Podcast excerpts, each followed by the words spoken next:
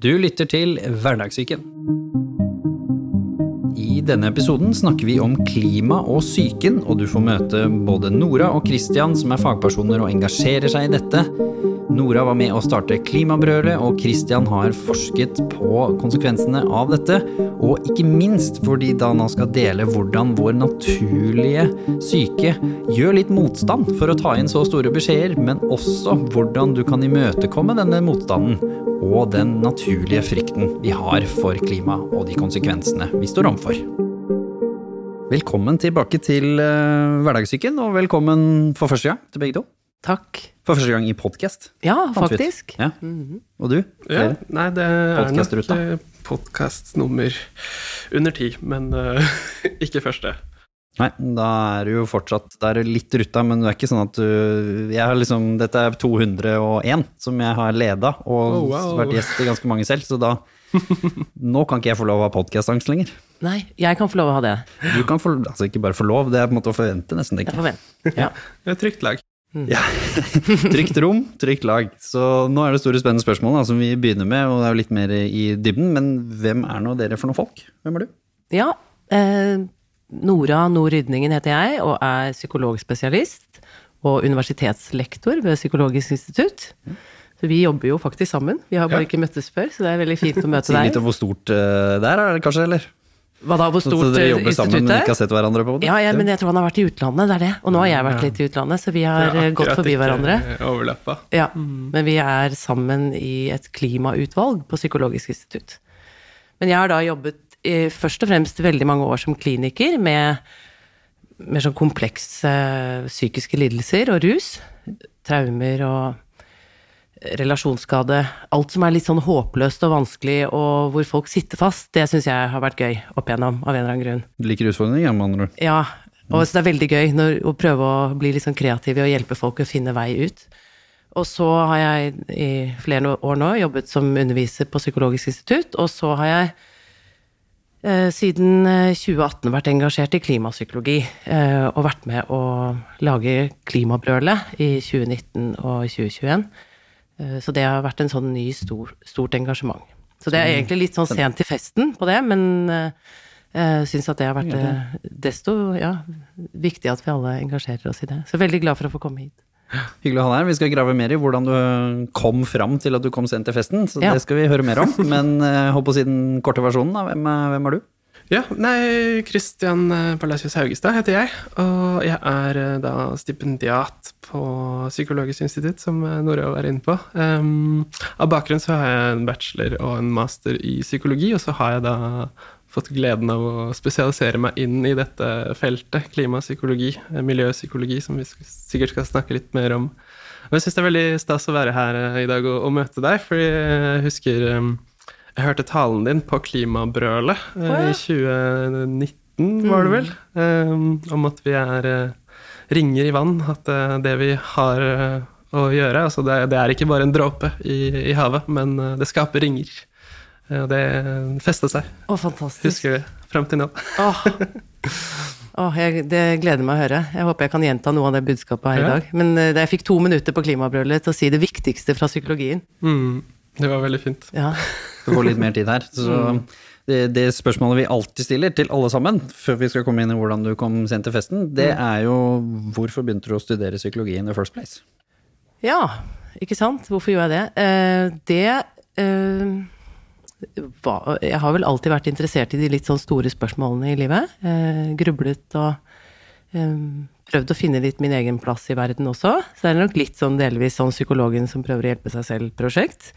Eh, men også sånn da jeg begynte å studere X-FIL og X-FAC, så var det som å komme inn i en sånn godtebutikk. Endelig få lov å bale med de hvordan være i verden. Og psykologi er jo liksom del av det samme. Så for meg jeg, eh, opplever det som en gave å få lov å studere et fag som aldri slutter å være nyttig for meg, og aldri slutter å være interessant sånn på mer samfunnsnivå eller i forhold til andre.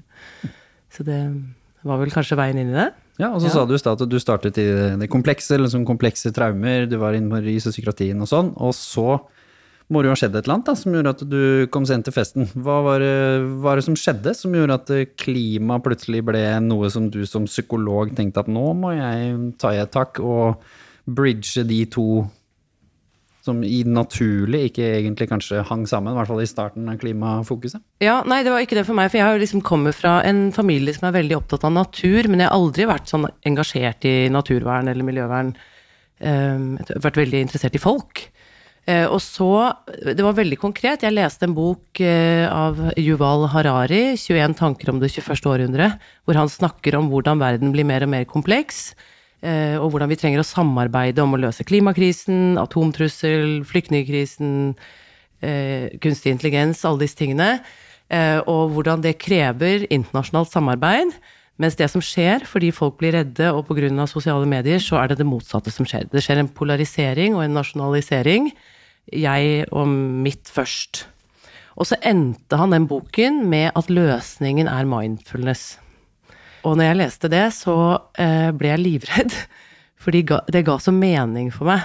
For det han snakker om, er at for å klare å løse komplekse problemstillinger og klare å samarbeide, så må man klare å skjønne hva det er som beveger oss, og ikke bare være impulsstyrte.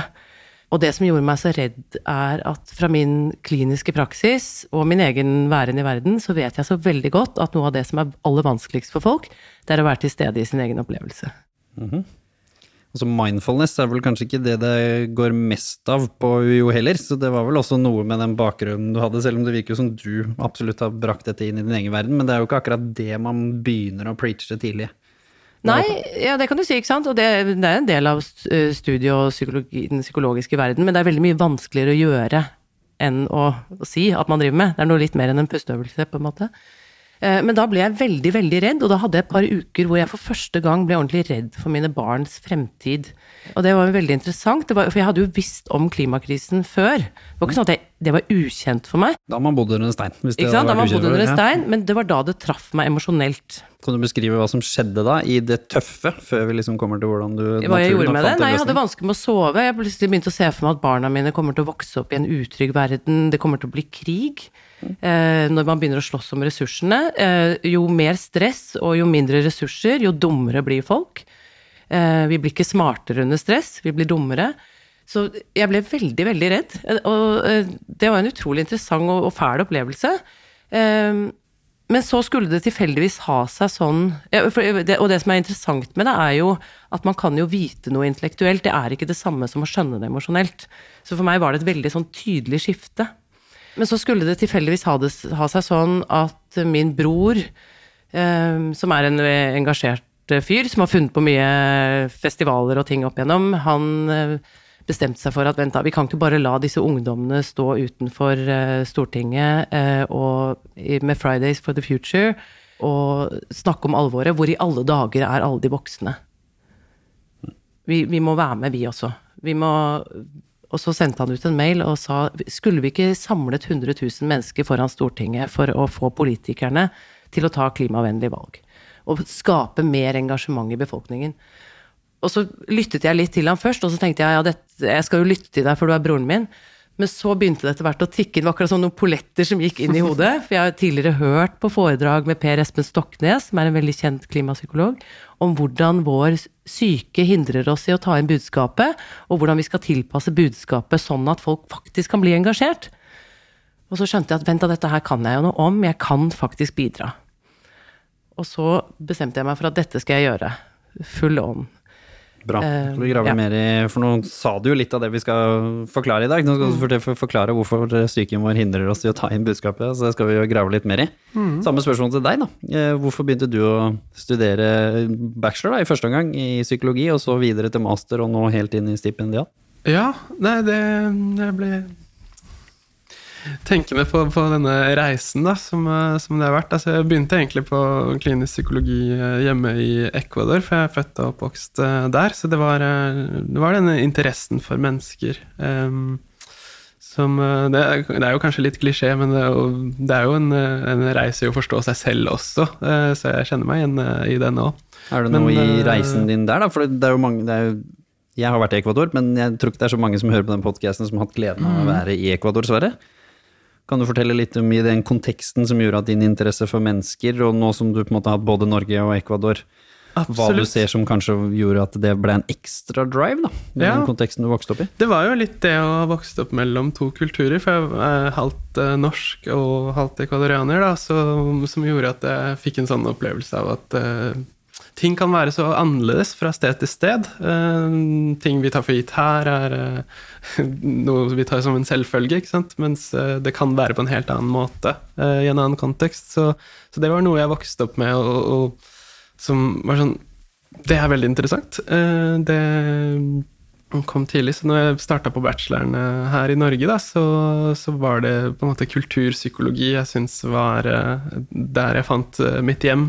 Mer enn eh, på, på kliniske eh, perspektiver. Men eh, etter hvert da, som jeg begynte på, på master, og egentlig helt fra bacheloroppgaven, så, så var det denne interessen for klima- og miljøspørsmål som meldte seg. Jeg skrev om hvorfor det er så vanskelig for oss å forholde oss til kjøtt, f.eks., når vi vet at det står dyremishandling til grunn i mange av tilfellene, og hvordan vi klarer å fjerne oss fra det spørsmålet. Så det var på en måte en sånn eh, inngang til eh, klimaspørsmål. og eh, der våre veier kobles, da, det er jo med skolestreik for klima og klimabrølet-bevegelsen. Eh, for jeg skrev masteroppgave om, eh, om hvordan det var eh, disse ungdommene følte på denne motivasjonen, eller hva var det som gjorde at eh, de, de fant sammen. Og det vi fant, var at eh, felles for bevegelsen var en sånn frustrasjon over å ikke klare å gjøre nok. eh, ikke ha mulighet til å påvirke altså Mange av dem var jo under eh, stemmealder, under 18, så de hadde ikke mulighet til å delta i politikk på den samme måten som andre. Du følte mye av diskusjonen rundt klimaspørsmål handla om hva er det du kan gjøre, at det var mye skyld og skam. Hva, hva er det man kan gjøre på individuelt plan? Så, så denne klimabevegelsen ble på en måte en sånn katalysator, en sånn mulighet for å si nei, dette handler ikke bare om uh, min uh, flyreise eller mitt uh, måltid. Det handler om noe større, vi må gjøre noe sammen. Så det, var en, en ting vi fant i, i masteroppgaven. Så det Skal vi grave litt mer i Ja. det, Nemme? Han forsto meg Å slippe folk ordentlig inn. Følelser inneholder egentlig flere komponenter. Vi har det jo best når vi klarer å fungere godt sammen med andre mennesker. Dette er Hverdagssyken, podkasten hvor vi sammen med fageksperter og mennesker med levd erfaring tar for oss de tabubelagte temaene og psykisk helse i hverdagen. Men da må vi jo etablere et par ting først. For det som vi sier, for at vi liksom alle skal komme på samme plan, så må vi jo først uh, kanskje snakke litt om psykologien, litt sånn som du sa. Hvordan er vi skrudd sammen? Og snakke litt om klimakrisen, så kan begge to komme med en liten tanke om hvor vi mener vi er. Da. Men la oss begynne. Hvordan er vi skrudd sammen? Som uh, mennesker i connection med dette her, da, som, som tydeligvis, som jeg sa vi, før vi satt på play her, hvis vi alle sammen på en måte bare var innforstått med at dette var noe vi mente var et problem, og dette ønsket vi å løse, så hadde vi løst det for lengst.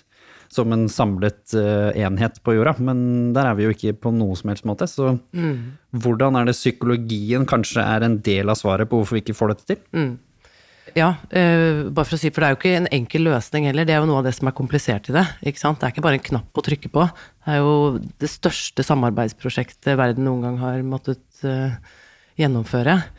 Det, der jeg har eh, lært mest om hvordan dette påvirker oss, det er jo gjennom Per Espen Stoknes, som jeg nevnte, som er på høyskolen, som har skrevet en bok som heter hva, hva er det vi tenker på når vi prøver å ikke tenke på global oppvarming?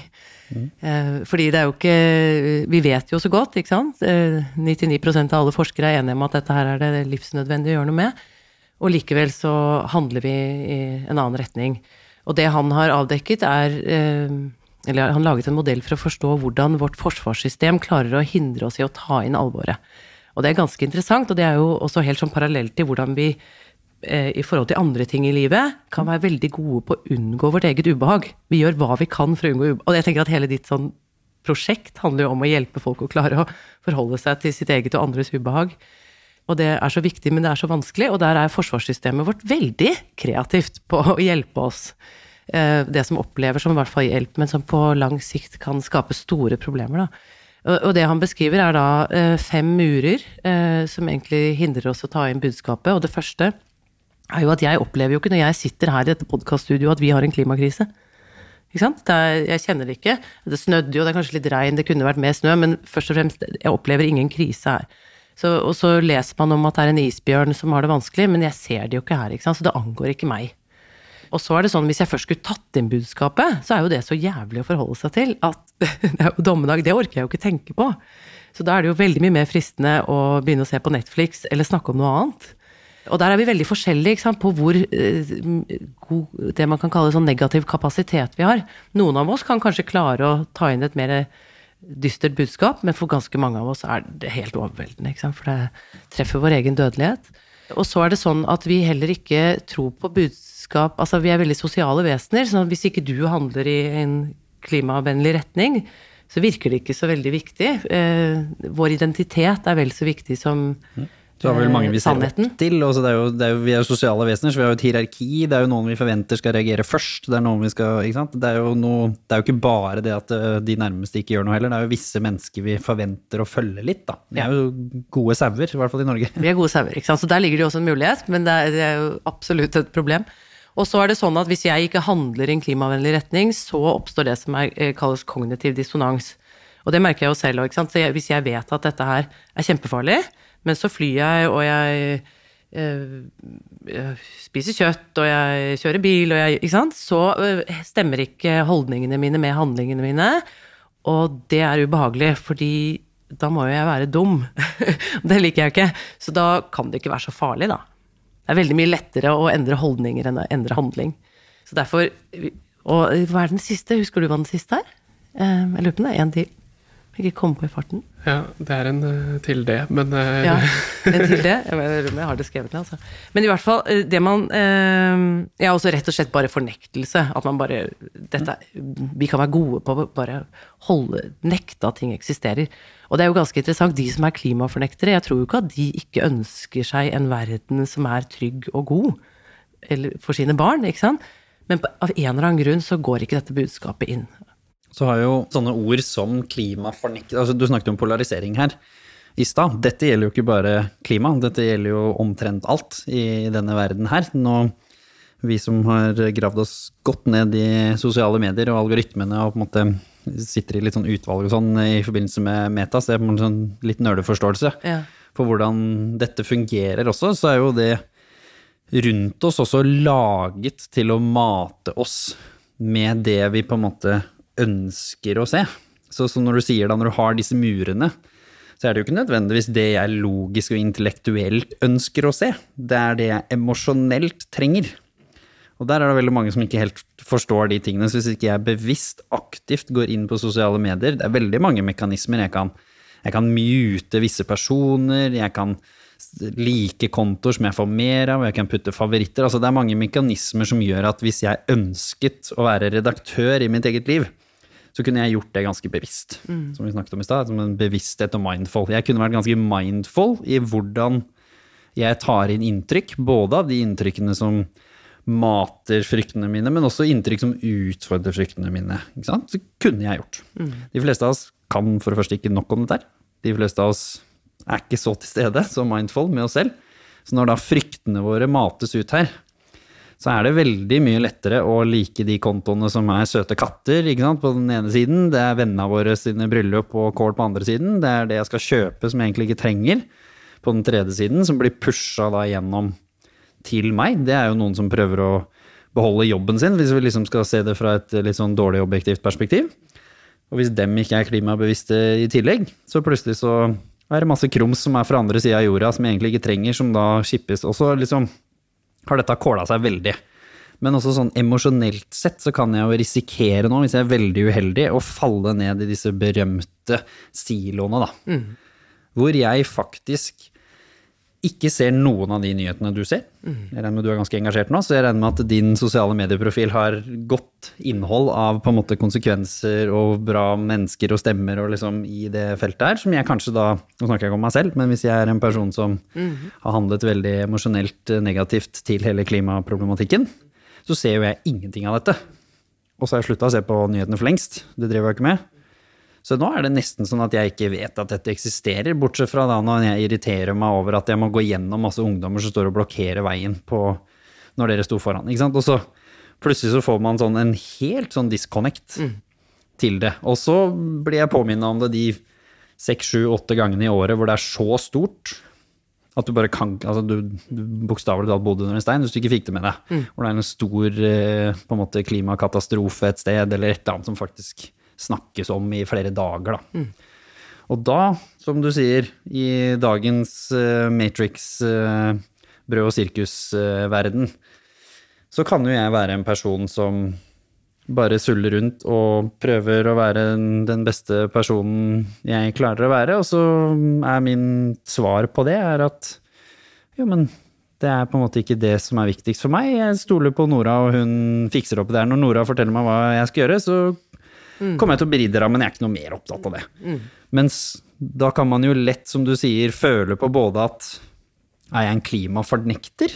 Nei, det identifiserer jeg ikke meg med. Samme som vi har jo hatt masse episoder om rasisme og diskriminering, hvor mange selvfølgelig kan gjøre rasistiske eller diskriminerende handlinger underbevisst, men de på ingen måte identifiserer seg som noen som aktivt ikke ser ned på andre. på en måte.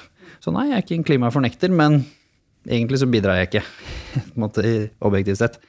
Hva er det som egentlig liksom skjer her, da, med alle disse menneskene som, som går i den energien der? Fordi det er jo ikke sånn at de ikke vet om det, som du sier.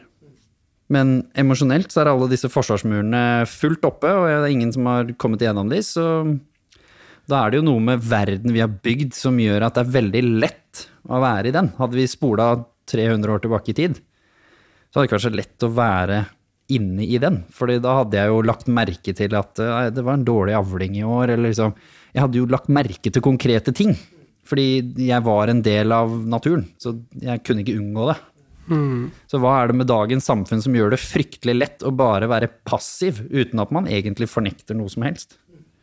Det du beskriver, er jo på en måte noe i feltet vi har eh, definert som eh, klimafornektelse 2.0, som vi har kalt det. at eh, før så var det veldig mye fokus på klimafornektere. Hva er det som, eh, som gjør at folk ikke tar det innover seg og, og eh, går eh, rett ut og denier eh, hele klimaproblemet? Mens eh, det du beskriver, er eh, egentlig det som er veldig vanlig, veldig Kanskje man skal tørre å kalle det naturlig, å anerkjenne viktigheten av spørsmålet. At det, det er noe der ute som er veldig eh, alvorlig, som eh, vi absolutt må gjøre noe med, men eh, at det ikke angår én. Det er ikke noe man kan klare å koble til, eh, til enkeltindividers liv. Og det, det er kanskje veldig forståelig, egentlig. Jeg tror egentlig ikke det er eh, noe som er noe veldig spesielt for vår dag og tid. At det vi har en begrensa kapasitet til å forholde oss til, eh, til ting der ute. Vi, vi er opptatt av, som du sier, eh, våre liv. Hva er det jeg skal spise til kvelds? Hvem er det jeg henger med? Hva er det som er viktig for meg?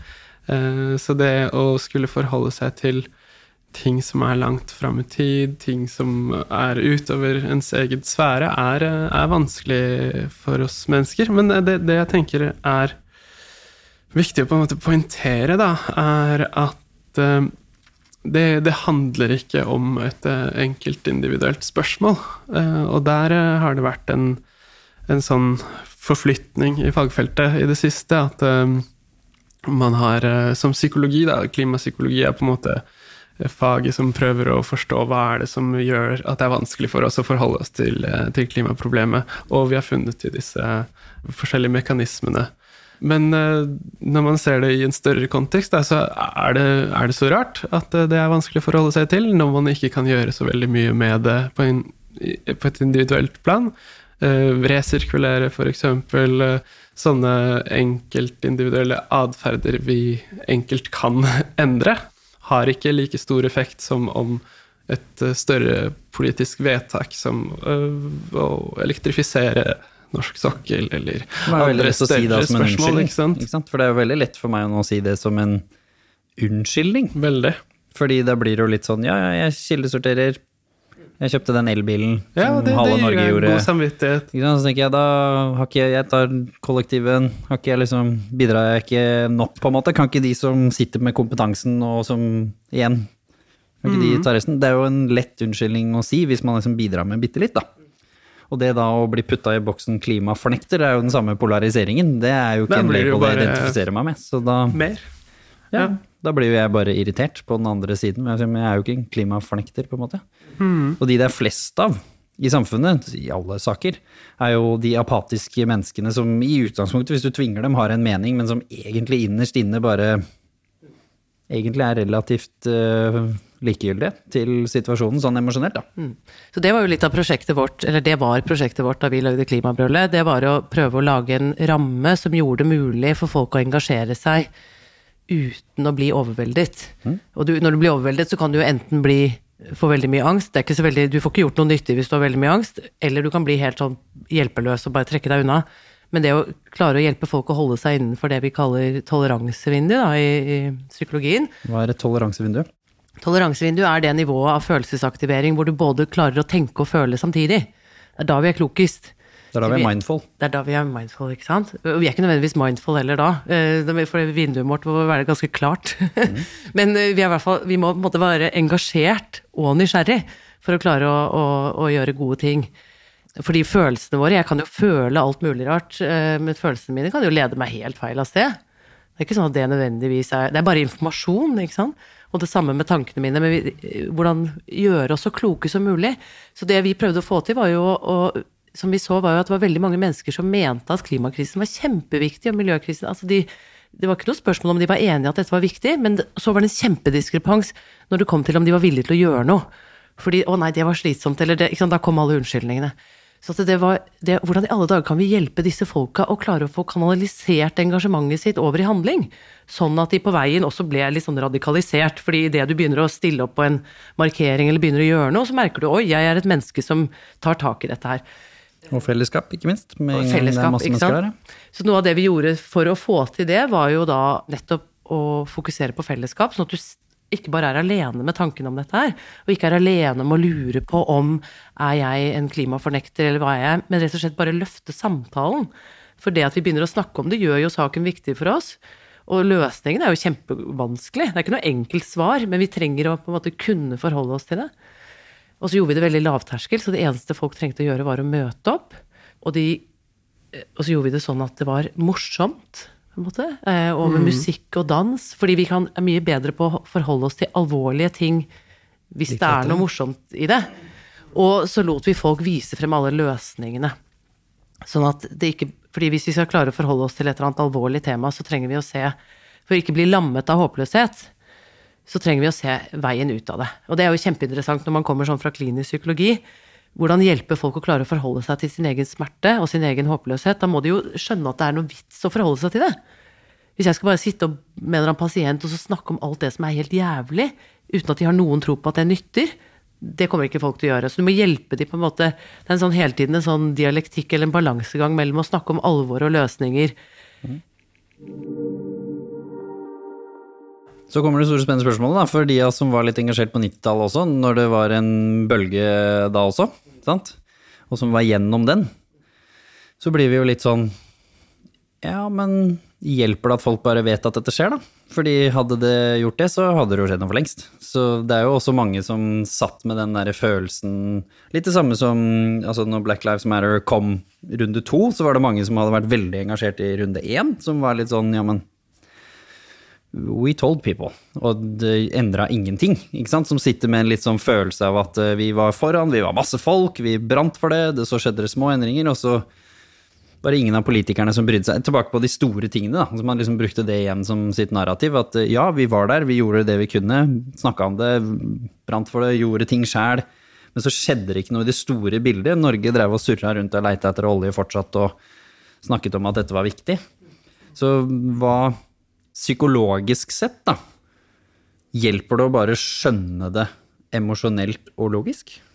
Jeg tror kanskje det, det, det er et eh, godt poeng å skulle redefinere hva, hva er det som man kaller at det skjer noe, eh, og, og prøve å holde disse positive tingene, disse positive små victories, eh, ting man får til, da, at det, det er viktig å, å ha med seg sånne ting. Fordi mange av de vi snakka med på Skolestreik for klimabevegelsen f.eks., de eh, var veldig opptatt av at det at de var der, det at de eh, kunne bidra med et eller annet, eh, hadde noe å si. Um, og da Det blir jo på en måte litt, eh, litt, abstrakt. Eh, hva er det jeg oppnår ved å stå her? Det er ikke så mye som skjer. ikke sant? Mange kan jo si at det, det er ingenting som har skjedd. Men eh, det, hele bevegelsen som et fellesskap da var med på å flytte samtalen, og det har jo skjedd positive ting. altså Gode eksempler er jo f.eks. dette med ozonlaget på 90-tallet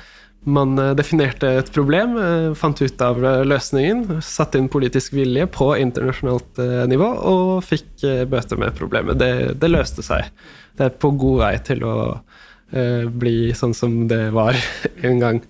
Så det å, holde på sånne positive ting, jeg tenker jeg er et, et, av de gode poengene. Men som du sa, da, holde den balansen, ha de positive tingene med men også opprettholde alvoret. At det er eh, en, en balansegang man må ha med. Hva, hva, mer skal til, på en måte, enn at man For det var jo mange som sto der. Altså, vi, vi, var jo der, vi òg. Vi har jo heldigvis kontor rett ved siden av, så i vårt tilfelle så kunne vi jo bare gå rett ut. Men jeg vet jo at det var mange av de som var der, som nå føler litt på den samme følelsen som jeg sa Føler på altså, det selv, vi, vi, var jo en stor prosent av Norges befolkning. Så det var såpass mange at man faktisk kan putte et prosenttall på det. Og så kan man jo si at i teorien, hvis alle disse menneskene bare gikk hjem og gjorde én ting, eller tvang foreldrene sine til å finne på noe tiltak, eller så, så skulle vi ha kommet lenger. Så jeg er ikke så opptatt av å liksom si at det ikke funka, for det er ikke nei, det som er nei. poenget. Men mer psykologisk sett. Ja. Hvorfor skjedde det, eller hvordan kan det skje mer? Hva, hva, annet er det vi kan gjøre som gjør at folk som var der den gangen, nå kan fortsatt føle på håp da, og motivasjon? Ja. Nei, det er et kjempegodt spørsmål, og jeg kjenner meg selv igjen i at jeg har vært veldig engasjert, og så har det liksom dabbet litt av. Det er, det er krevende å opprettholde engasjementet når man ikke får tydelig feedback på at det nytter. Og så er det litt sånn at et eller annet eh, eh, For meg som var litt sen til festen, da, så hadde det jo en viss nyhetsverdi. sånn at jeg emosjonelt var jo aktivert av det. Men etter hvert så man habitueres, så man venner seg til. Nyfrelst kaller vi det jo. på en måte. Ja, nyfrelst, ikke sant? Det var superengasjert, ja. og liksom dette var jo Nå skal vi redde verden. Ja, men det er det, ikke sant. Vi mennesker er så Vi er jo så kloke, men vi er jo også så dumme. ikke sant. Så, sammen med covid, ikke sant. Hvordan vi i begynnelsen Vi var så engasjert.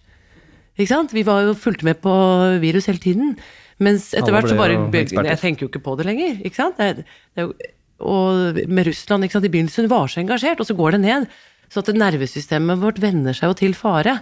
Og hvordan da liksom opprettholde et engasjement. Og, og, det som er avgjørende, er jo selvfølgelig å få til endringer på et politisk og, og strukturelt nivå. Eh, og å få folk til å, å, å innse liksom viktigheten de har i å spille politikerne gode. Eh, for det er ikke sånn at jeg alene, eh, om jeg flyr, vil jo ikke ha noe å si.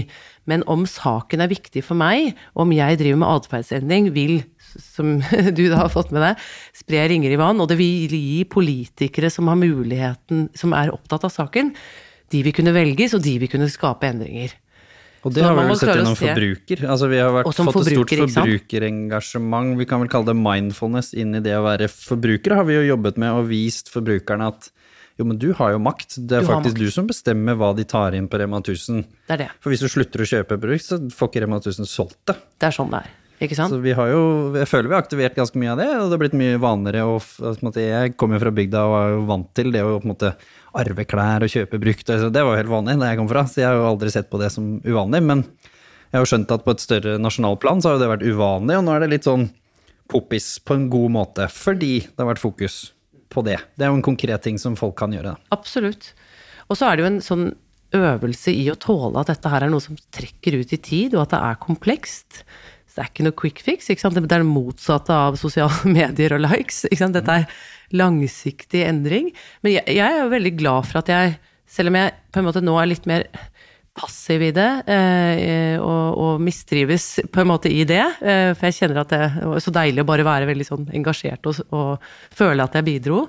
Eh, nå har jeg liksom en passiv rolle. Men en, det jeg kjenner at jeg er veldig takknemlig for, er jo at jeg har fått en mye større innsikt i hvordan vi som mennesker er sammenknyttet naturen og, og jorden og det liksom større bildet.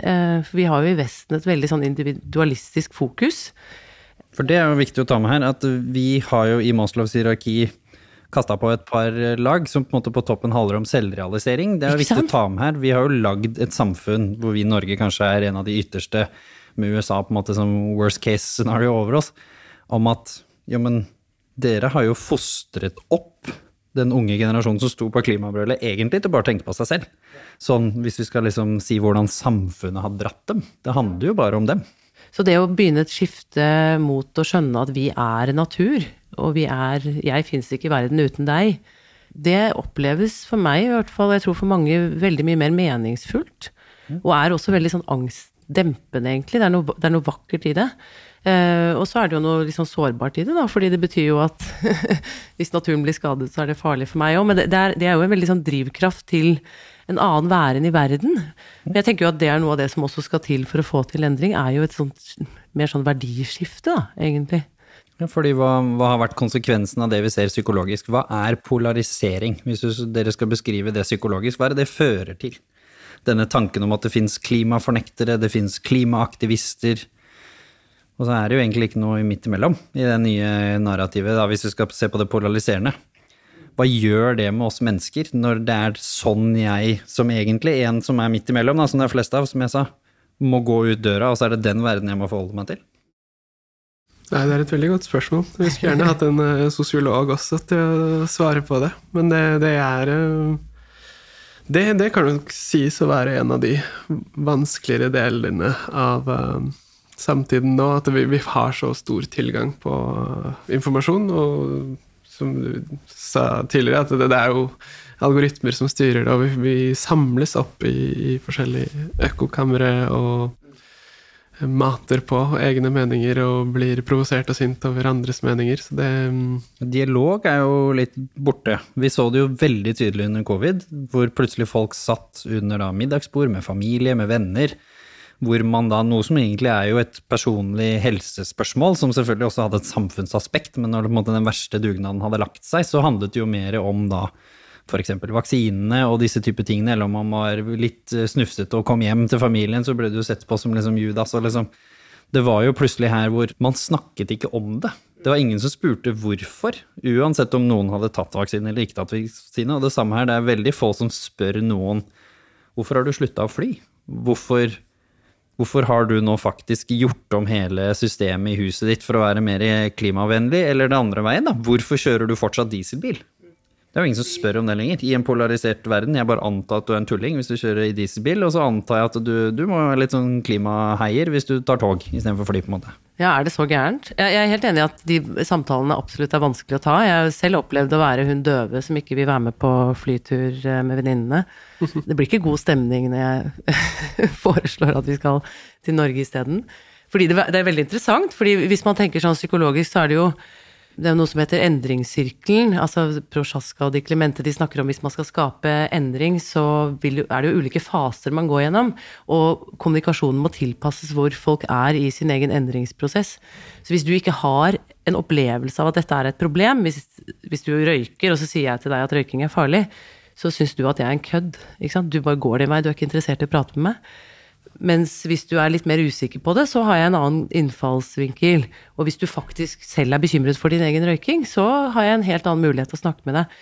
Så det, vi må på en måte kommunisere dette på ulike måter. Fordi folk er på forskjellige steder i sin egen endringsprosess. De som er kjempemotivert og eier dette prosjektet, de trenger handlingsalternativer og en, et fellesskap og en heiagjeng. Mens de som sitter mer på gjerdet og er usikre og, og har vansker, de trenger en helt annen type kommunikasjon. Så derfor Polarisering er jo det motsatte av det her, så det er derfor er det det er problematisk. Ikke Da blir du handlingslamma. Både de som egentlig har lyst til å gjøre noe, og de som egentlig bare står i midten og Det er fordummende begge veier, ikke sant.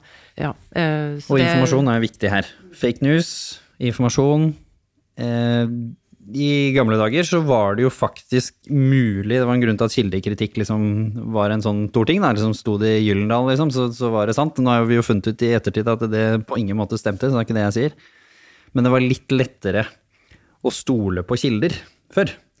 Nå er det jo sånn at jeg stoler jo ikke på myndighetene engang. Altså I Norge nå har det begynt å dukke opp. Det er kanskje aspekter som man kan ha følt litt mer på i Ecuador. At det kanskje har vært en stund hvor man ikke har stolt på myndigheter. Fordi det finnes plutselig nå i min verdensvirkelighet Oi, myndigheter har interesser.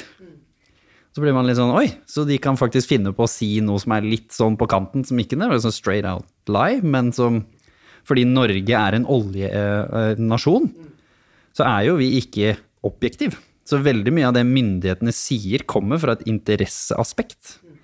Som, som sagt, vi har jo sagt det før, Norge, verdens rikeste land, enorme ressurser her. Vi er egentlig, spør du meg, det eneste landet i verden som kunne ha tatt et raskt klimaskifte veldig fort, fordi vi har råd til det. Det hadde kostet og bla, bla, bla, alt det der. Men den interessen ligger jo til grunn når myndighetene nå skal gjøre valg. Så uansett klimabrøl eller ei, så har jo de det de må forholde seg til også. Som gjør at hvorfor skal jeg store på hva de sier, ikke sant? Kan man si på den ene siden, og på den andre siden sier de jo ja, men myndighetene gjør jo ingenting, så da, ikke, da må det jo ikke være så farlig. Og så gjør de jo masse, ikke sant. Så det er jo, jeg tenker det som er viktig, er jo å skape arenaer, som du sier, hvor man kan møte folk med en annen mening. Og det er jo ulike prosjekter for å få til det. Og der har man jo et ansvar som menneske selv, da, også til å snakke med folk som ikke bare er de man eh, har helt identiske meninger med. Og, og jeg tenker også liksom opp, fordi man kan jo bli veldig, liksom, som du sa, frelst og følelse av at man er på det gode side når man skal redde klimaet og naturen. Men dette er da søren meg komplisert, ikke sant? Og hvis vi bare stenger oljekrana og får en dårlig økonomi, så blir jo folk sinte, og da stemmer de jo ikke på politikerne igjen. Eh, ikke sant? Eh, så dette henger jo sammen. Så det er jo også å ha en sånn ydmykhet til å snakke om de krevende sammenhengene i dette her, da snakke om en langvarig løsning, da, som du langvarig sa. fordi løsning. Grunnen til at du var redd for barna dine, det handlet jo om at det skulle bli krig. Så liksom vi liksom skulle være objektive om klimakrisen, så hadde jo menneskene dødd lenge før jorda. Så vi hadde jo tatt livet av hverandre først. Det er det, vet du. Så man må jo også snakke om narrativet kanskje på en måte som møter den, da. Som sier at liksom jo, men hva er den langsiktige løsningen her? Og når vi finner elefanter i rommet, som f.eks. hvordan skal man ha det bra, hva nå enn det er. Noe sacrifice må man kanskje forvente. Men hvordan skal man ha det bra? Sånn som det er mulig Det er jo ikke sånn at ingeniører ikke skal være involvert i løsningen. Så det er ikke sånn at alle som jobber i oljebransjen er arbeidsledige. Hvis vi bytter til Nettopp. Det er jo det jeg mener, jeg òg. Men når du snakker med oljebransjen, eller de som jobber i den, så frykten deres er jo at de skal bli arbeidsledige. Så hvordan møter man, som du sier, hvor er folk, da? Det er jo kanskje en viktig del av du får invitere en oljearbeider hit og høre med dem, for det er jo det som er interessant. Hva er det de snakka med mange av dem, men det er jo som du sier, det er jo det emosjonelle, da. Hvor de kanskje ikke føler at det er noe konkret løsning på det, da. Så blir det ja, litt sånn eller det myndighetene vil si her, er jo at oljen er en del av løsningen. At vi har renere olje enn Saudi-Arabia, ikke sant. Bla, bla, bla. Hva er mm. alternativene? Ja. Eh, og, og det, der, det, vil jeg si at det kan ikke jeg nok om. Verken liksom økonomien eller olje. Det jeg kan noe om, er hvordan vi kan klare å forholde oss til dette. Eh, hvordan vi kan snakke sammen om det. Og hvordan kan vi forholde oss til informasjon som er ikke enkel? Fordi hvis, jeg tror at hvis vi på verdensbasis fikk beskjed dette kan du gjøre som enkeltperson, dette kan du gjøre som bedrift, dette gjør vi som myndigheter, her er planen ti år frem i tid. Så da er jo tilbake på det at da hadde jeg mener jeg at vi hadde kunnet løst dette her. Men det finnes jo ikke ett sånt svar. Hvis jeg googler nå hva kan jeg gjøre som er bra for miljøet, så får jeg ganske mange alternativer. Ja, og, og du kommer jo... til å få annerledes enn meg hvis vi tre går på samme Google, fordi da har de hele søkehistorien vår. Så vi kommer til å få forskjellige sider, til og med. Og så tror jeg nok ikke det er ett svar. Det er jo det som er så komplisert i det. ikke sant? Det er så mange forskjellige Og noen må ofre mer enn andre. ikke sant? Hvordan kan vi f.eks. ikke forvente at uh, u-landene skal opp til vårt velferdsnivå? Ikke sant? Vi skal alle ned i forbruk. Uh, men vi sitter nå her på toppen av kransekaka og koser oss. Mm. Og hva ser det ut i forhold til arbeid? Hvis vi da skal liksom ned i forbruk, da forsvinner jo arbeidsplasser. Da, altså, ja. Det er jo den elefanten i rommet igjen. Ha de vanskelige samtalene og faktisk snakke om de og se hva som skjer når vi snakker om de. Er det faktisk en løsning i enden, eller er det bare svartmalt og hvor bare livet vårt blir dritt? Mm. Jeg syns det var fint det du sa med, med, med dialog og å stå i det um, over tid, da, og, og tørre å stå i det, det vanskelige. og og gjøre som, som du sa, du, akkurat om det vet ikke vi Eller det er mange som skal spille hverandre gode, da. Og, og spille på hverandres styrker eh, når det kommer til eh, spesifikke løsninger til spesifikke problemer. At det, det blir så vanskelig å forholde seg til det på et veldig overordna og abstrakt eh, plan. Eh, Sånn at eh, ja, det kan se veldig mørkt ut eh, når man snakker om det som et stort og vanskelig og overveldende felt, mens hvis man går på enkelte ting, at det kan bli lettere å rett og slett Ja, spille hverandre gode, spille politikerne gode, vise den støtten. At det, ligger en sånn anerkjennelse i, bånn der om at man må jobbe sammen. eh, og, og det er en, en, en ydmykhet i det. på en måte en, eh, en, eh, en aksept av at man kan ikke fikse det alene, og ingen bør forvente at Nei. man skal stå ansvarlig for alle eh, disse store problemene på enkeltpersonsnivå, da. Hva var det du så i Massegran når du snakket med alle disse ungene? For da dere samlet masse mennesker. Da regner jeg med det ble mer dialog i etterkant. Hva var det man så positivt i at det ble mer dialog? Både da på denne apatien, men også på angsten og bekymringen som lå blant de unge. Hvordan påvirket at dette skjedde, og at de snakket mer om det, de to tingene? den eh, på en måte underteksten på de fleste av intervjuene våre var nettopp dette her med fellesskap. At det var eh, utrolig viktig. Um, Det var en følelse av å, å være sammen om noe. Ok, her er vi enige om en slags form for problembeskrivelse. Dette er noe som skjer. Eh, Vi føler litt av det samme. Det er eh, en bekymring, det er en, en følelse av at eh, de hadde blitt frarøvet en slags eh, sånn fremtid som de hadde blitt lovet. Um, som var en eh, Altså, de følte at de ble opplært i å skulle eh, forvente en viss, eh, et visst nivå av et liv. Som de så at det ikke kommer til å skje. Det, det kommer ikke til å gå opp hvis vi skal leve sånn som foreldrene våre legger det opp til. Så det, det var på en måte en frustrasjon, men det at man sa at det var flere om det, var med å skape denne fellesskapsfølelsen. Og jeg tror det er den eh, altså take home message fra dette er nettopp det å ha problembeskrivelsen i bånn, men å fokusere på det positive, og at man er flere om det. Så hvis man klarer å på en måte gjøre klimatiltak eh, til noe som skaper fellesskap, som eh, skaper en, en positiv vri på det, at det, det ligger en god del i det, da. Vi har jo som mennesker en enorm kapasitet til å tåle stress. Vi er jo rigget for å tåle stress, men vi trenger støtte for å stå i det, og vi trenger mening. Vi trenger, liksom, vi, vi trenger narrativer, og vi trenger pauser.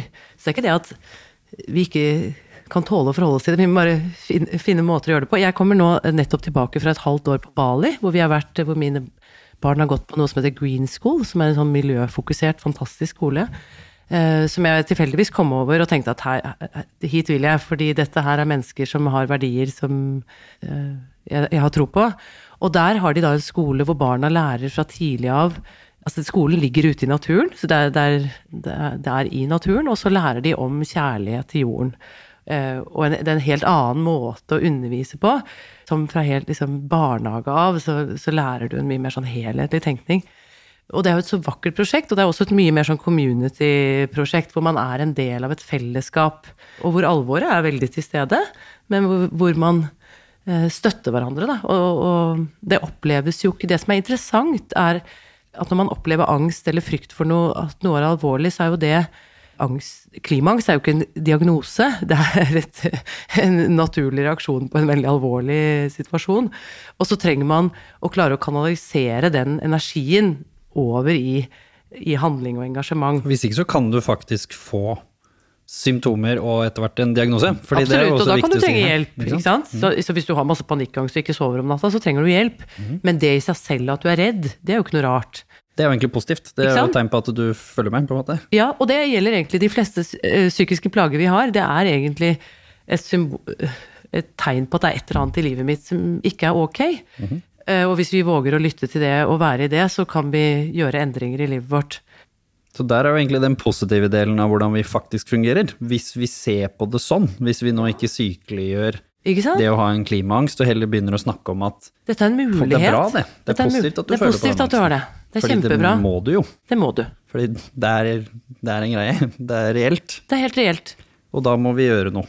Som du sier, det eneste liksom, botemiddelet på det er fellesskap. Gjøre noe. Nysgjerrighet og lære mer og liksom vokse inn i dette sammen. Og kanskje da bli enige om at det er ikke ett svar, men vi går i samme retning. For det var kanskje litt motsvaret til polariteten, eller polariseringen, med at dere fikk folk sammen. Fordi du sa at ja, vi var ish enig. Det er jo på en måte motsvaret til polarisering. Polarisering er at enten så er vi helt enige, så er vi ikke enige i det hele tatt. Mens her var folk ish enige. Det var jo ikke sånn at alle de hundretusenvis av menneskene som sto der, var helt enige om hvordan klimaproblemet så ut, hva løsningene var, og hva de måtte gjøre. Det, det er bare statistisk umulig. Jeg liker nå at det er hundretusenvis som sto der. Det, Ja, det, det var jo godt over 100 000 på den ene, i hvert fall. Det det, var, det er jeg, positivt, lar det, jeg eh, lar det stå. Jeg lar det stå. Ja, veldig bra. Nei, men noe av poenget, poenget er det samme. ja, ja, poenget er det samme, og at eh, det vi ba folk om på klimabrølet, var jo at vi ikke hadde noen mening om løsningen i det hele tatt, så vi ba folk komme med alle sine meninger, alt sitt engasjement, om det var sinne eller glede eller frykt, om de hadde konkrete løsninger. Men poenget var at det må opp på agendaen. Det må opp på frontline på VG. Eh, og så må vi ta de vanskelige diskusjonene, for diskusjonene er kjempevanskelige. Men vi må hjelpe hverandre å være i alvoret, og, og støtte hverandre i det, da. Og at jeg tenker at det er en kjempemulighet til å gå hverandre og naturen nærmere. Sånn jeg ser jo du f.eks. har tatoveringer av naturen på deg selv. Jeg glemmer ikke naturen. Så, men liksom til slutt er det sånn samfunnsmessig. Mm. Hvilke dynamikker er det vi kanskje må jobbe mot nå sammen? Som vi snakket om, vi har mediene, vi har myndighetene, og det gjelder like mye lokalt som nasjonalt. Vi har masse lokale medier som kanskje har blitt en måte, sterkere enn eh, noen gang, fordi folk er så lei av de nasjonale. Så folk har jo faktisk begynt å abonnere og sånn på lokale nyheter igjen, og det er kanskje litt mer ressurser i det. Og ikke minst myndigheter lokalt. Nå går man jo inn snart i et valg igjen lokalt, som gjør jo at dette er jo viktig, spesielt da i kommuner som vi snakket om, hvor liksom oljenasjonen Norge har sine havner. Så er det jo der mye av disse tingene kanskje kan endres allerede til neste året. Så hva er det dere tenker på sånn samfunnsmessig plan, med litt sånn psykologihatten, vi kan få til, da, som kan være positivt for oss alle og vår klimaangst, og føle at vi faktisk er litt mer delaktige, og ikke bare passiv, redd tilskuer? Oi, godt spørsmål. Veldig godt spørsmål, egentlig. Jeg tenker um, at det er viktig når vi snakker om dette her, og bekymring for fremtida, eller klimaangst, eller hva vi ender opp med å kalle det, at det, det, det handler om noe, noe litt mer større, noe, noe overordna. At det, det, det er ikke noe som er galt med deg, da. Eh, Noe som er galt med enkeltpersoner. Det, det er helt naturlig, rasjonelt, å være bekymra for fremtida. At um, man eh, klarer å se på det som noe som krever noe, noe større omveltninger på, på eh, et høyere nivå, da.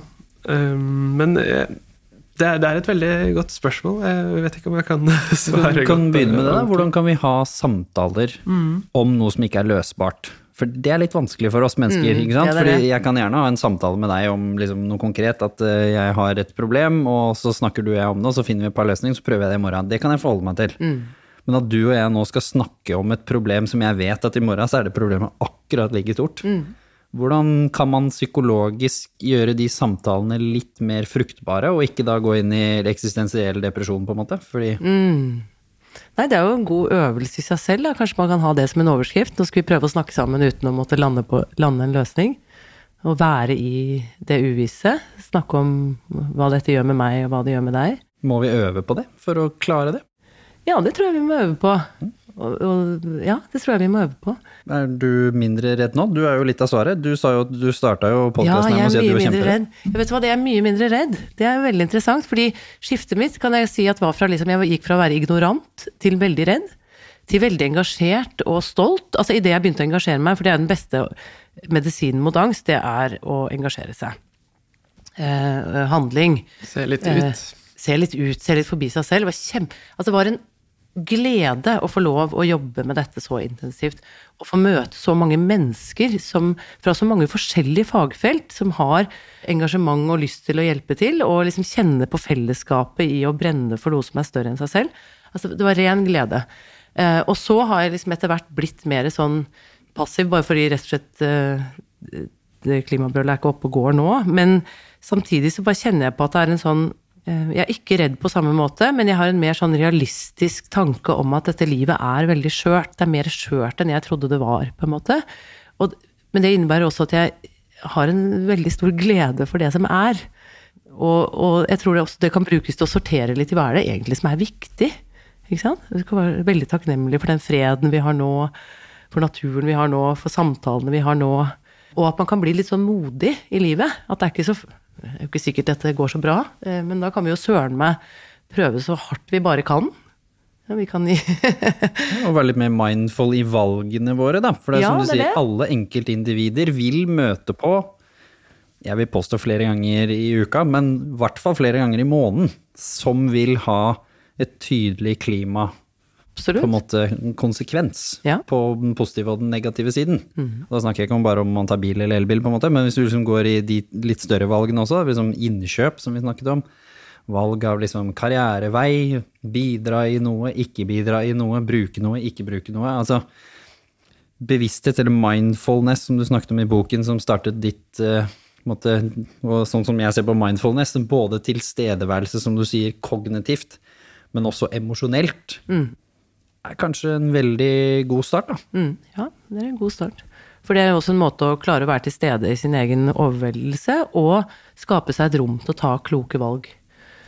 Eh, Og i hvert fall bevisste valg. For da igjen, da, for å unngå liksom polariseringen, ja, som klok, klok, og ukloke, men da er det i hvert fall Ja, da vet så at Så kloke man klarer fra der man er, da. Sannsynligvis tar man feil. Ja. jeg. Vi tar jo feil hele tiden nå. Men vi kan bare gjøre så godt vi kan. Ja. Mm. Og da være fornøyd med det.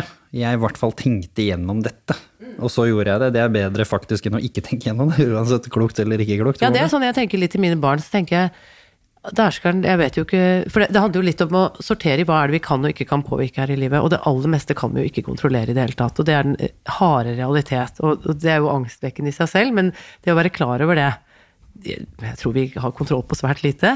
Men hva er det jeg faktisk kan prøve å påvirke?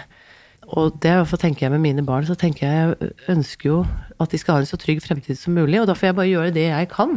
Og det jeg ikke kan gjøre noe med, det Det er en god måte å fjerne angsten litt på også. Absolutt. Sant? Eller dempe den litt. Den Dempe skal jo være der, men å få den på et nivå hvor ikke det er kickoff i, i på måte kontrollsenteret her, og at det ikke får negative symptomer eller konsekvenser, men at det bare er noe som gjør at jeg er mer mindful. Det er jo fint. Mediene, skoler, dere representerer jo skoler begge to, som sånn sett. Um, hva er det de kan bidra med her? For vi snakket jo litt om informasjon i stad. Det er vanskelig for unge mennesker, og vanskelig for voksne mennesker. Informasjon, liksom, hva stoler du på, hva ikke stoler du på? Hvordan kan på en måte skoler og mediene være med på de løsningene vi har snakket om nå? Ja, vi har jo på UiO begynt å jobbe med å innlemme det vi har kalt en grønn tråd eh, i utdanningen, i psykologiutdanningen. Da. Så det, det er jo et, eh, et steg å på en måte lemme det inn der det passer, og jobbe med å kunne gi elever rom for å innlemme disse tøffe realitetene i deres hverdagsliv. Men jeg tror det er en viktig del der å ikke overfokusere på det også, fordi altså Elever som går på videregående nå, f.eks., de har jo hatt klima gjennom hele skoleløpet. Og det, mange av de jeg snakker med nå i doktorgradsprosjektet mitt, er eh, litt uh, lei av det, egentlig. Og det er sånn klima her og klima der.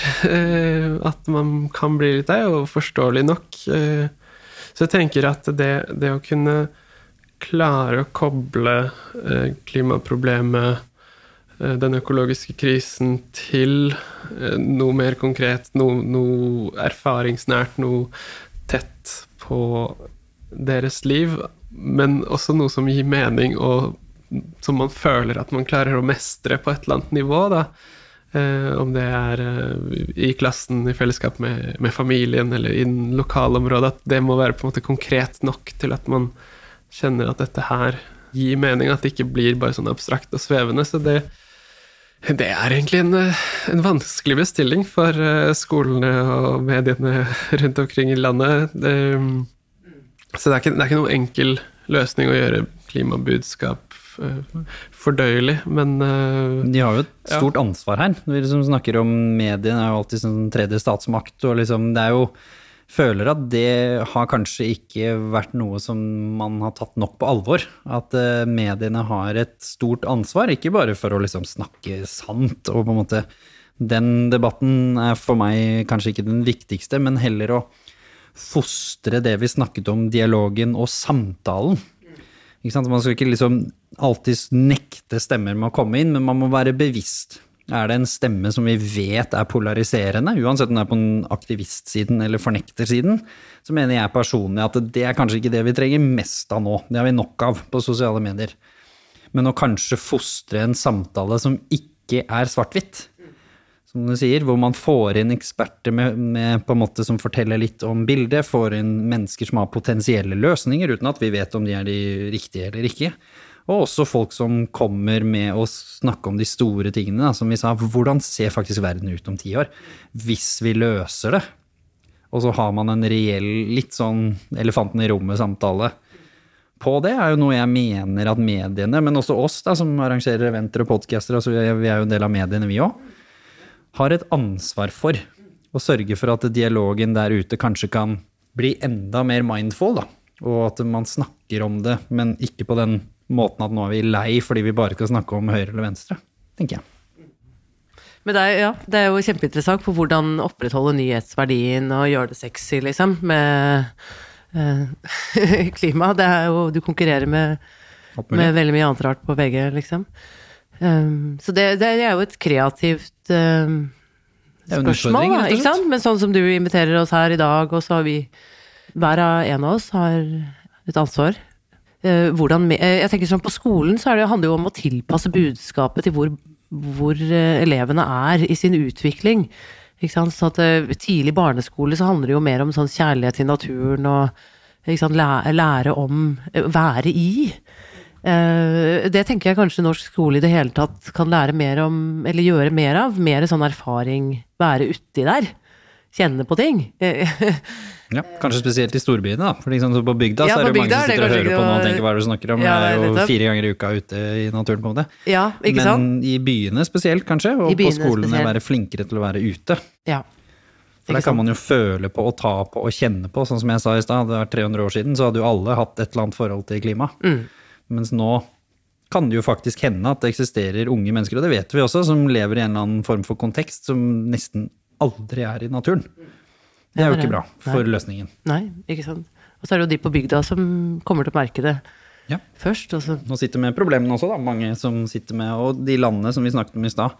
Kanskje når man skal reise også. Som foreldre at man kan utfordre seg selv litt. Ikke sant? Det er mange som har vært i veldig mange land, ikke sant? og så har de egentlig ikke vært i landet. Fordi de har vært i liksom hovedstaden eller hotellet sitt eller liksom resortet sitt. Eksempel hvis du er på en reise i utlandet, da.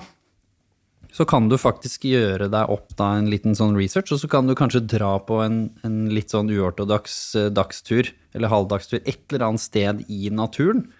Og så kan du kanskje google deg frem til er det noen klimakonsekvenser her hvor jeg akkurat er nå. Og det er det jo helt sikkert, og det har jo blitt en litt sånn poppis eh, ting å utforske når man er på tur. Så du kommer sikkert til å finne oh, ja, en guide det... som kan fortelle om det. en type turisme. Jeg satt nå og plutselig tenkte på da jeg var 15 år, jeg ville jo synes det var utrolig døv ferie. Eh, De har gjerne gjort det litt sånn spennende, de- hvor ja, de har ok. liksom tar deg ut i naturen, og så Ja. kan de jo vise liksom, ikke bare de dramakonsekvensene, men også vise f.eks. positive prosjekter. Så Ja. kan man være med ut og se hvordan man replanter naturen. Er jo mye av i Sør-Amerika, hvordan man på en måte jobber med korallrevene. nettopp, ja, det har vi vært borti nå på Bali. Det er jo Sånne fantastiske prosjekter hvor du dykker, og så planter du korall. ja. Og hvis kidsa dine er engasjert, Det er jo så skal jeg love deg, det er ikke døvt. Da er det noe du kommer til å bli applaudert for som forelder. Og kanskje jeg var litt døv 15-åring. Ja. Jeg tror vi var ikke like bevisst på det. Sånn da. Har dere noen siste mm, tips til enkeltfolk, rent psykologisk, som enten føler seg litt sånn apatisk eller litt for angstfylt? Hva skal de ta med seg som en sånn liten oppsummeringstips? ja.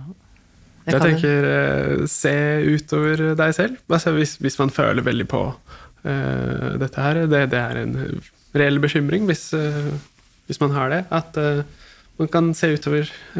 ikke bare se på hvordan det føles for en, men se utover og engasjere deg i et eller annet som du finner meningsfullt.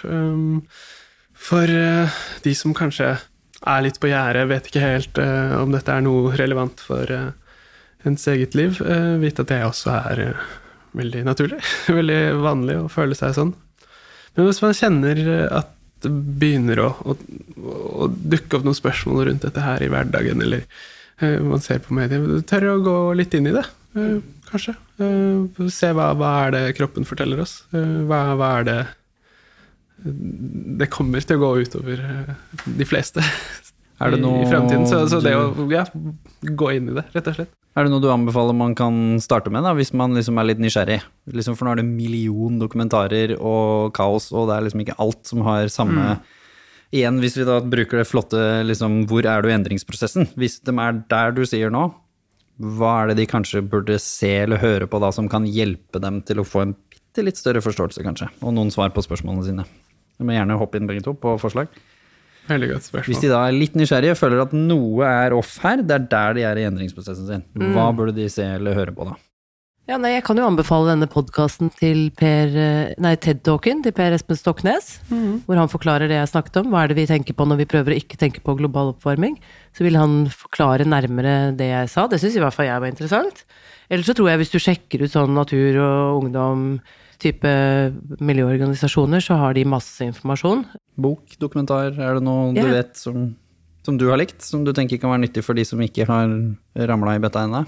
Jeg tenker den uh, siste boka til uh, Anja Bakken Riise, leder i Fremtiden i våre hender, hun uh, tester ut et prosjekt der hun skal bli så klimavennlig som mulig, ikke sant? Og prøver i eget liv å få ned klimagassutslippet til null eller tilnærmet. Men jeg syns det er veldig nyansert fordi altså selv om det handler om hennes eget liv og hvordan man kan redusere i eget liv, så eh, setter du det i en mye større kontekst. Da. Hva er det de politiske strukturene rundt eh, hvert av disse enkeltindividuelle tiltakene er, og hvordan henger det sammen med verdensøkonomi og eh, litt større spørsmål. Så det både gir en følelse av at ja, jeg kan gjøre noe her i mitt eget liv, men det er også et større politisk spørsmål som eh, er eh, viktig, og man kan engasjere seg i politiske fellesskap eh, for å løse den type spørsmål. Så det, det tror jeg den er en sånn konkret eh,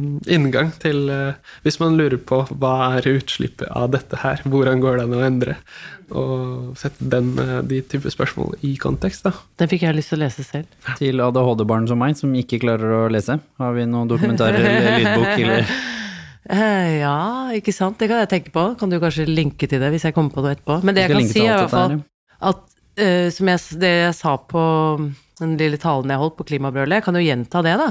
Fordi man kan bli slått av uh, apati og tenke at det ikke er noe viktig det man gjør. Men det psykologisk forskning er veldig tydelig på, er at man er Vi er viktigere enn vi tror. Fordi vi er dypt sosiale vesener, så den viktigste faktoren for om folk gjør klimavennlige handlinger, er hva vennen og naboen og kollegaen gjør.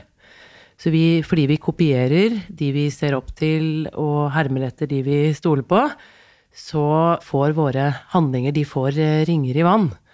Eh, Så vi, vi er veldig mye mer enn bare oss. Man kan bli lammet av sin egen utilstrekkelighet, men jeg påvirker dere. Og når en stor nok mengde mennesker begynner å endre vaner og stille krav, så blir det ikke lenger mulig for politikere å gjennomføre klimafarlig politikk, og det blir ikke lønnsomt å drive med klimafarlig næringsliv. Og det, det gir håp. For vi kan bli veldig mange. Så vi er ikke en dråpe i havet, vi er ringer i vann. Og mange, det, til og med. Ikke sant? Og du kan selv velge hvor store ringer du, hvor store ringer du vil skape. Men alle ringer er viktig. Ja, alle ringer er viktige.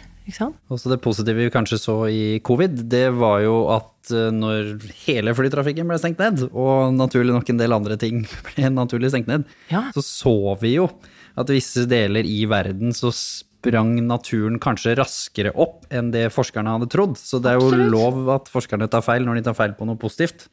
Og det er at den håpløsheten vi kanskje trodde var liksom Det er jo mange som følte litt sånn ja ja, men fuck det her, det går jo til, til H uansett. Det kan nok vise seg at det ikke stemmer. Sånn at hvis vi faktisk eh, tar tak nå, så ser det ut som om naturen i hvert fall har tenkt å være med på laget. Sånn at hvis den får muligheten, så kommer naturen til eh, å gjøre det samme som i ozonlaget, hvor vi også egentlig trodde at det var litt dumt.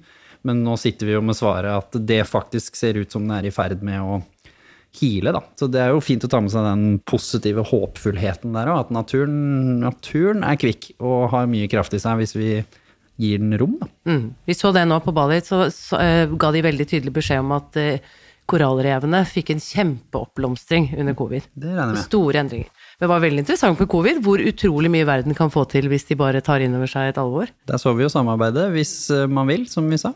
Så dette er jo mulig, hvis vi, hvis vi vil. Tusen hjertelig takk for å komme begge to. Takk for at vi fikk komme. Takk For besøk. Bare hyggelig. Tusen hjertelig takk til alle som hører på. Vær med å spre, del, kom med forslag, tanker, meninger. Det er jo virkelig en ring i vannet. Hvis du er med å dele dette her, så kan du være med å bidra til dette.